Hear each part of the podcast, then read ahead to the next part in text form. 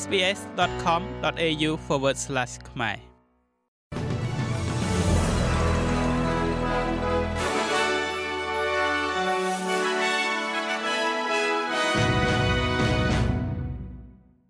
សូមស្វាគមន៍មកកាន់នេតិព័ត៌មានខ្លីៗរបស់ SPS ខ្មែរសម្រាប់ថ្ងៃអង្គារទី10ខែតុលា ឆ្នាំ2023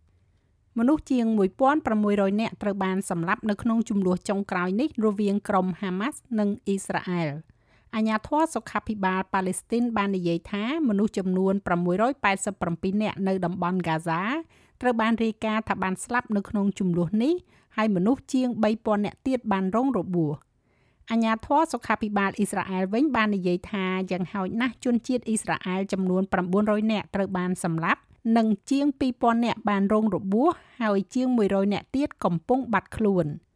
កងទ័ពអ៊ីស្រាអែលបន្តបើកការវាយប្រហារទៅលើគោលដៅជាច្រើនកន្លែងនៅក្នុងតំបន់ហ្គាហ្សា ដើម្បីបន្សាបទីតាំងរបស់ក្រុមអាម៉ាស់ទន្ទឹមនឹងនេះក្រុមហាម៉ាស់បានបាញ់រ៉ុកែតរាប់រយគ្រាប់ចូលទៅក្នុងទីក្រុងជាច្រើនរបស់អ៊ីស្រាអែលរួមទាំងទីក្រុងតែលអាវីផងដែរ តំណាងនៅក្នុងប្រទេសអូស្ត្រាលីនៃភាគីទាំងសងខាងនៃចំនួនអ៊ីស្រាអែលនិងក្រុមហាម៉ាស់កំពុងការពារគោលជំហររបស់ពួកគេរៀងៗខ្លួនរដ្ឋាភិបាលអ៊ីស្រាអែលបានបញ្ជាក់យ៉ាងច្បាស់ថាខ្លួនកំពុងសងសឹកចំពោះការវាយប្រហារកាលពីថ្ងៃសៅរ៍នៅទូទាំងប្រទេសលោក Christian Cantor អនុប្រធានបេសកកម្មរបស់អ៊ីស្រាអែលនៅទីក្រុង Canberra មានប្រសាសន៍ថារដ្ឋាភិបាលអ៊ីស្រាអែលឥឡូវនេះកំពុងអនុវត្តសិទ្ធិរបស់ខ្លួនដើម្បីការពារពលរដ្ឋរបស់ខ្លួន ប៉ុន្តែលោក Izzat Abul Hadi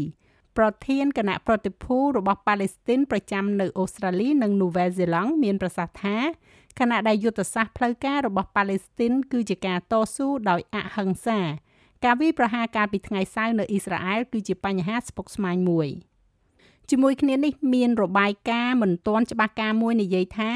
ជនជាតិអូស្ត្រាលីម្នាក់ស្ថិតនៅក្នុងចំណោមមនុស្សរាប់សិបនាក់ដែលត្រូវបានចាប់ជាចំណាប់ខ្មាំងនៅតំបន់ហ្គាហ្សា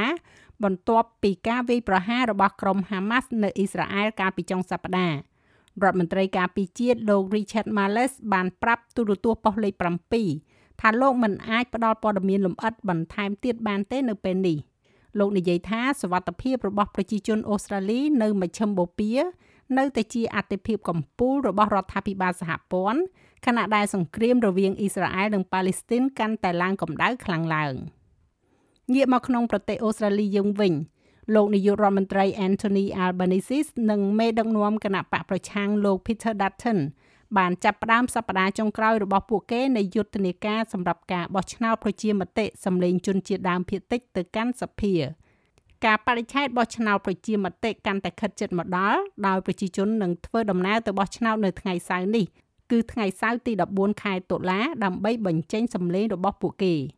ការស្ទង់មតិថ្មីនេះបង្ហាញថាការបោះឆ្នោត No កំពុងតែនាំមុខប៉ុន្តែអ្នកធ្វើយុទ្ធនាការ Yes និយាយថាពួកគេមិនបានបោះបង់ក្តីសង្ឃឹមឡើយ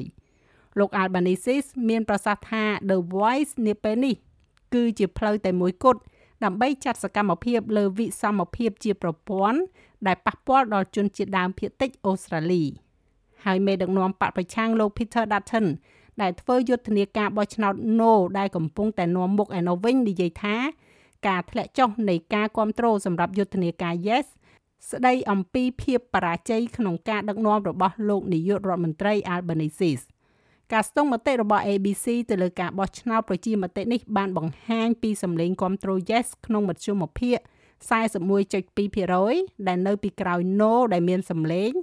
58.8%សូមបន្តតាមដានព័ត៌មានអំពីការបោះឆ្នោតប្រជាមតិសម្លេងជនជាតិដើមភាគតិចទៅកាន់សភាពីទូទាំងបណ្ដាញ SBS Network ដែលរួមមានទូរទស្សន៍ NITV, SBS Voice Referendum Portal និង podcast ជាង60ភាសា។